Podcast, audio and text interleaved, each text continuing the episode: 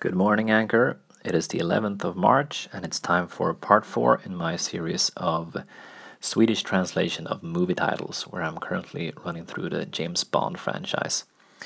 So, today it is time for Thunderball from 1965, uh, the fourth movie in the series, uh, still starring Sean Connery as James Bond. And when I first saw the Bond movies, something like 15, almost 20 years ago, uh, yeah, 20 probably. I really loved this movie. I thought it was awesome.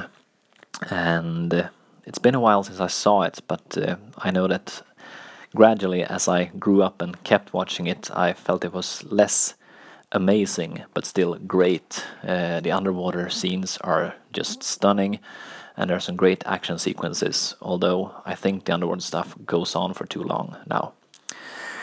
Um, anyway, Thunderball is the title, and in Swedish it is titled Åskbollen, and that is a pretty literal translation.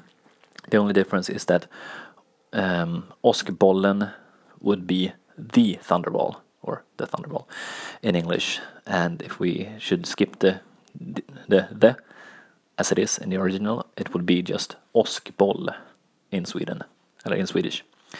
But I think Åskbollen is a fairly good title and it is short. So I think that today is really the opportunity for those of you who listen to um, chime in and uh, try to say the Swedish title yourself. So I dare you, come on now, it's easy. Åskbollen. Anyway, James Bond will return tomorrow in You Only Live Twice.